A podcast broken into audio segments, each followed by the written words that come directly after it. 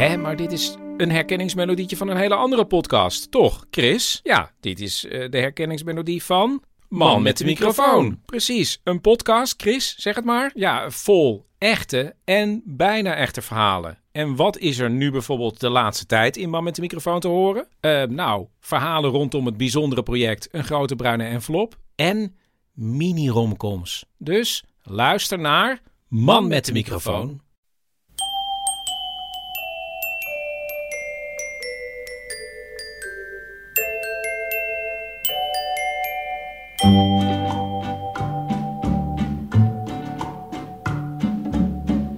Welkom bij aflevering 16 van de Echt Gebeurd podcast, waar waar gebeurde verhalen worden verteld door mensen die het zelf hebben meegemaakt. Ook is er elke maand iemand heldhaftig genoeg om te komen voorlezen uit zijn of haar puberdagboek. Dit keer op de podcast Zo'n voorlezing van Mirjam Vos.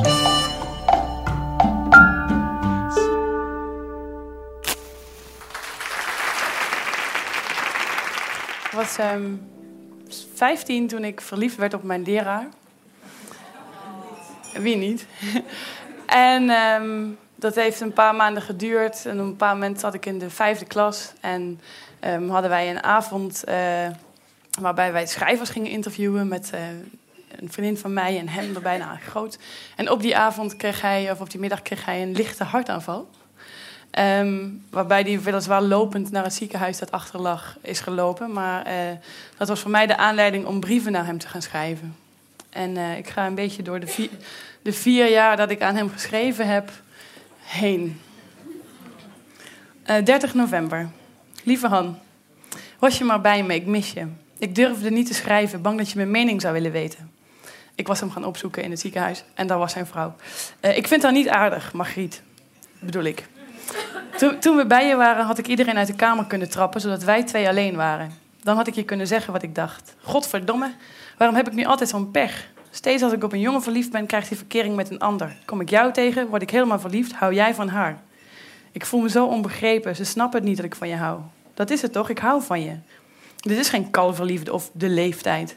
Als ik aan je denk, word ik misselijk. Dan heb ik vaak zin om te slapen, om over je te dromen. Want in mijn dromen geef je ook om mij.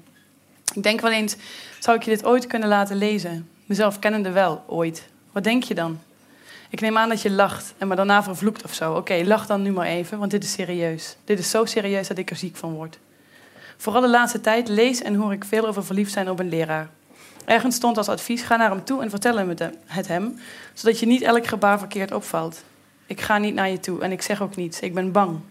Bang dat ik jouw wereld eventjes in de war maak. En bang voor wat je tegen me zegt. Want ik weet wel wat het antwoord is. Daarom voel ik me nu zo rot. Die uitzichtloze situatie waar ik in zit is zo deprimerend. En ik wil dromen over alles wat je doet. Over hoe je me aankijkt, over hoe je tegen me praat. Dan fantaseer ik verder en droom ik over je. Help me toch, wat moet ik doen? 10 december.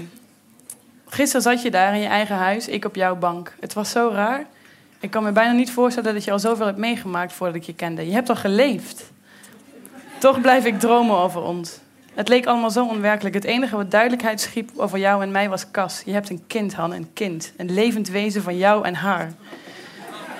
Ik probeer steeds alles wat je zegt en doet te begrijpen. Maar één ding snap ik niet. Waarom zij?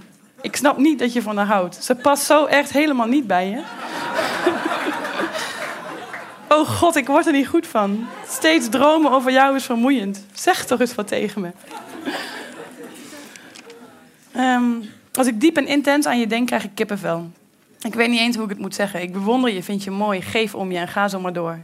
Als het kon, zou ik mezelf in de reden vallen. Ik denk dat er maar één ding is wat ik ken dat alles zo goed verwoordt. Het gedicht van Gorter, zie je.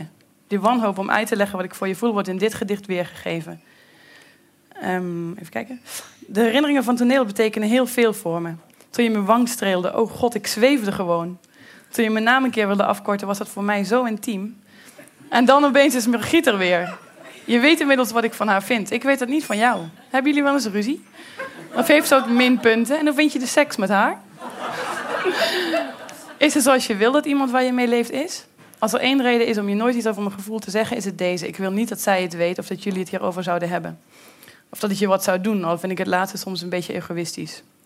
Echt waar, ik vind het zo'n akelig idee dat je waarschijnlijk oud met haar wordt.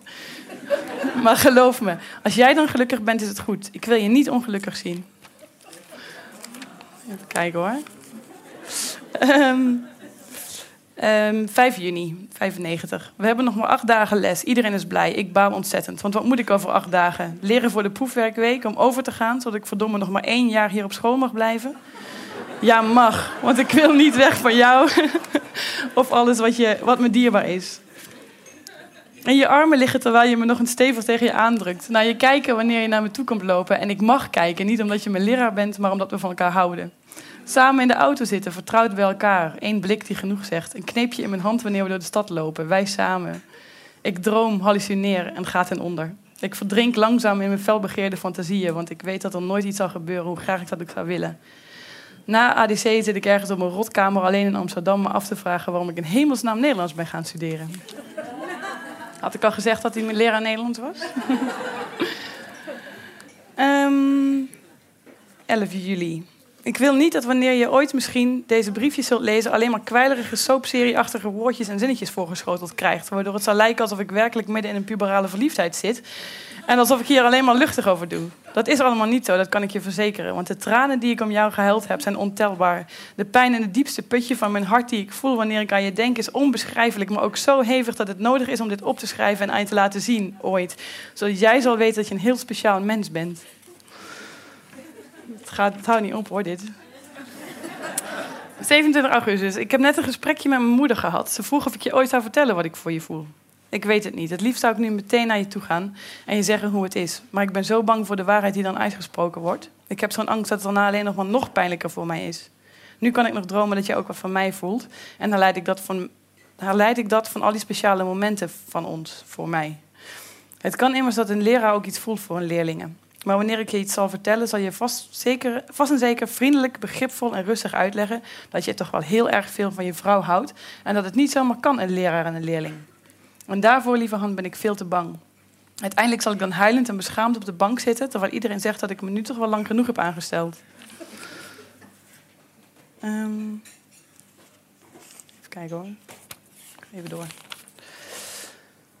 Um, ehm, 7 februari 96. Ik weet niet precies waarom, maar ik denk dat ik bang ben dat het eentonig is om te lezen, bladzijde na bladzijde. Ik hou zo van je.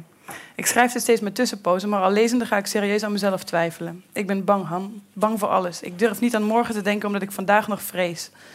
Ik hou er niet van om steeds van de situatie te veranderen. Ik durf niet naar Amsterdam te gaan. Ik wil niet weer alleen thuis zitten komende zomer. Maar ik wil ook niet mee met mijn ouders. Ik wil niet steeds die duffe vriendin zijn die nog nooit gezoend heeft. En ik ben als de dood dat ik jou verlies. Um, als je dit zou lezen, zou je je doodschrikken. Al het gezonde gedoe van het afgelopen jaar zou voor niets zijn geweest. In één klap zou je doodvallen. Volgens mij komt dat omdat ik je zo lief vind.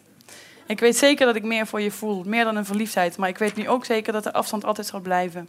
Altijd. Ik denk wel dat je erg blij zal zijn als ik, dat ik mijn gezonde verstand weer terug heb. Maar vind je het heel erg wanneer ik nog een tijdje verdriet heb? Deze ontdekking doet namelijk heel veel pijn. Ja, zielig hè? Nou, toen ging ik uiteindelijk ging ik studeren in Amsterdam. Wat natuurlijk verschrikkelijk was. Ik ben herhaaldelijk teruggegaan naar mijn middelbare school om hem meer op te zoeken. En ik mocht nog een keer bij hem thuis komen. En dan gingen we over de studie praten. en dat soort dingen. Um, uh, 2 maart 97. Je zult je wel afvragen waarom het zo lang geduurd heeft voordat ik weer schreef. Het spijt me, ik weet ook niet hoe ik het moet uitleggen hoe het is. Er is zoveel wel of juist niet gebeurd. Weet je, het lijkt net alsof ik mijn leven niet leef op dit moment. Ik weet dat ik sowieso al een hele lange, dat ik al een lange tijd steeds weer opnieuw zeg. En misschien weet je helemaal niet wat ik bedoel. Ik zal het proberen uit te leggen. Het is net alsof ik twee levens heb. Eén in kerkraden met alle vertrouwde mensen en dingen om me heen. En een ander leven in Amsterdam, waar ik een klein grijs stipje in die enorme vreemde massa ben. En ik weet gewoon niet meer wanneer ik welk leven telt. Ik bedoel, natuurlijk weet ik wanneer ik thuis ben en wanneer ik in Amsterdam zit. En natuurlijk doe ik op beide plaatsen dingen die ik in andere plaatsen niet of zelden doe. Maar waar het om gaat is dat ik hier ben het liefst, als, dat als ik hier ben, het liefst niet aan Diemen en aan Amsterdam denk. En wanneer ik daar ben, lijkt thuis zo ver weg. En eigenlijk heb ik het idee dat ik helemaal niet leef. Ik denk bij wijze van spreken over elke handeling na. Nu maak ik een pot thee. Ik ga maar mijn tanden poetsen. Ik doe mijn schoenen aan en ga zo maar door. Maar echt nadenken en echt dat intense voelen, zoals ik dat vorig jaar nog deed, dat doe ik nu maar zo weinig. Maar vervolgens gaan we weer heel ver verder. Dit verbaasde mezelf toen ik het uiteindelijk een paar weken geleden ging teruglezen. Dit is 7 februari 1999, dus weer een jaar verder. Hoi Han, dit is echt heel vreemd. Jij bestaat eigenlijk niet meer en toch schrijf ik je nog eens. Je bent ver uit mijn leven gebannen, maar op een goede manier. Ze hebben gelijk gekregen. Achteraf lach ik om mijn verliefdheid. Ik dacht eerst dat ik drie jaar zou weggooien als het zou ophouden. Maar het waren drie belangrijke jaren, juist omdat ik alleen maar met mijn gedachten bij jou was en verder niets bestond. Wanneer ik terugdenk aan die tijd, zie ik echt niet meer dan, niet meer dan jou. Als ik beter kijk, zie ik ook wel school, studieproblemen, oude ruzie, moeizame vriendschappen, maar die staan alle in jouw schaduw. Het waren min of meer drie jaar isolement, mijn eigen wereld, zonder dat er ook maar iemand invloed op had. Nu ben je slechts een herinnering, een hele bijzondere, dat wel. Het afgelopen jaar, 1998, was echter nog zwaarder. Ik ontdekte de wereld en mezelf, zeg maar. Nu is het gemakkelijk om daar zo luchtig over te praten, maar eigenlijk was het heel erg moeilijk en rot. En nu, nu heb ik voor het eerst het gevoel dat het goed met me gaat. De wereld en mezelf ben ik steeds meer gaan begrijpen. En dat gaat langzaam en het duurt nog steeds voort, maar het gebeurt wel. Ik waardeer alles om me heen heel erg. Mijn familie, mijn vrienden, alles wat ik heb. En hoewel het allemaal nog steeds moeizaam verloopt, alles, en ik nog steeds kan terugvallen, heb ik voor het eerst het gevoel dat het allemaal goed gaat lopen. Ik heb vertrouwen in mezelf en in wat komen gaat. Ik heb zo'n gevoel dat dit het laatste was. Misschien kom ik nog stage lopen, misschien ook niet. Dag lieve Han. Of wie je ook bent. Veel liefs, Mirjam.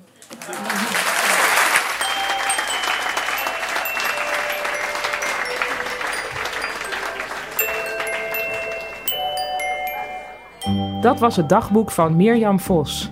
Wij zijn altijd op zoek naar mensen die willen voorlezen uit hun puberdagboek. Dat lijkt eng, dat is het ook, maar het is op een gekke manier ook bevrijdend. Ook een verhaal komen vertellen kan bij Echt Gebeurd. Of kom eens langs als publiek.